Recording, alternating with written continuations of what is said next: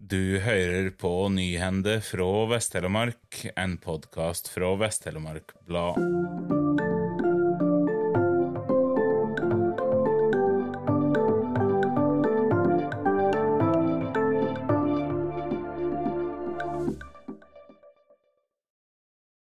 Det ligger an til spanende forhandlinger i Kviteseid i dagene som kommer, etter den foreløpige opptellinga av røystene i kommunen.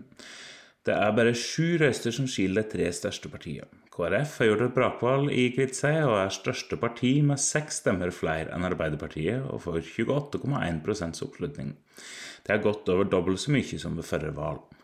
Senterpartiet følger hakk i hæl med ei stemme færre enn regjeringskameraten Arbeiderpartiet. Dersom dette resultatet skulle bli det endelige, vil KrF og Arbeiderpartiet få fem mandat hver, mens Senterpartiet får fire. Men det er altså verdt å merke seg at det er særs lite som skal til for at denne fordelinga blir justert noe etter at den endelige opptellinga er ferdig. Høyre går noe fram med 12,3% av røstene, og holder med det på de to mandatene de har hatt i inneværende periode. Venstre har også dobla oppslutninga fra forrige valg og opp til 4,7% og får én representant inn. Makta i Seljord ligger an til å skifte hender. Det er klart etter at første opptelling av røstene i kommunen er ferdig. Høyre er største parti med dryge 26,9% oppslutning, mens Fremskrittspartiet, som har gjort et brakvalg i Seljord, er like bak med 25,2% Arbeiderpartiet er tredje størst med 22,3, mens Senterpartiet går kraftig tilbake, ned over 25 prosentpoeng til dryge 17 Nykommeren Rett har 8,2 Når det kommer til mandat, ligger Høyre an til å få flest med fem, mens Frp og Ap får fire hver. Dagens opposisjonsparti har med andre ord klart flertall i kommunestyret. Senterpartiet mister ifølge de forberedte resultatene fire representanter, ned til tre, mens Rødt kommer inn med én.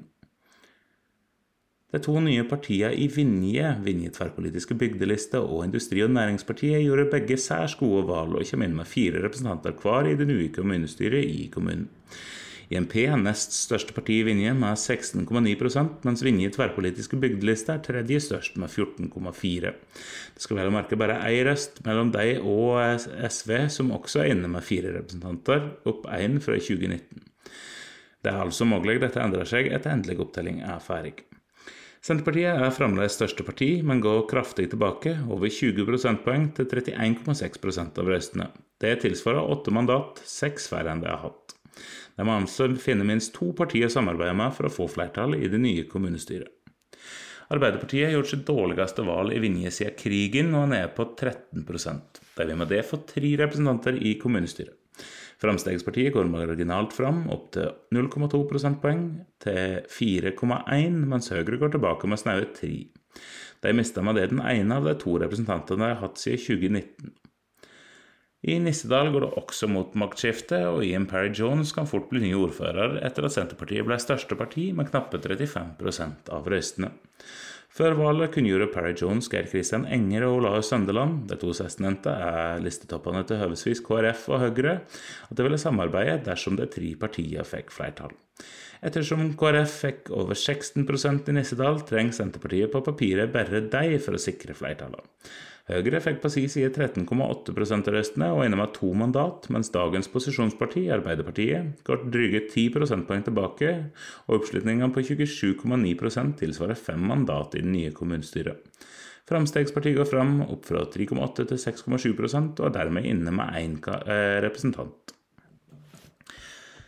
Senterpartiet i Tokke kan juble over et sterkt valgresultat, og øker tallet på representanter fra 9 til 10 i det nye kommunestyret, etter å ha fått godt og vel 43% av røstene etter første opptelling. Dermed kan dagens posisjon på papiret fremdeles holde på makta, trass i at MDG mister den ene av de to representantene i kommunen. KrF kan også havne på vippen med sin ene representant. Arbeiderpartiet sitter igjen med seks kommunestyrerepresentanter etter at de fikk 28,9% av røstene. Høyre, som stilte liste i kommunen for første gang på tolv år, ligger an til å få 11,3% oppslutning, og dermed to representanter inn. SV går også litt fram, men ikke nok til at den ene representanten der hatt det inneværende kommunestyret, får selskap i den nye sammensetninga. Helt til slutt, i Fyresdal kan Erik Skjærvagen belage seg på en fjerde periode med ordførerkjede, etter at Arbeiderpartiet sikra kring 55% av røstene og 9 av 17 mandat i kommunestyret. Der er eneste utfordrer, Senterpartiet, fikk dermed 45% av de åtte resterende plassene i kommunens øverste organ. Tusen takk for at du hørte på. Denne sendinga var produsert og presentert av Asla Kringhus for Vest-Telemark Blad, og musikken er laga av Symre Taugbølbang.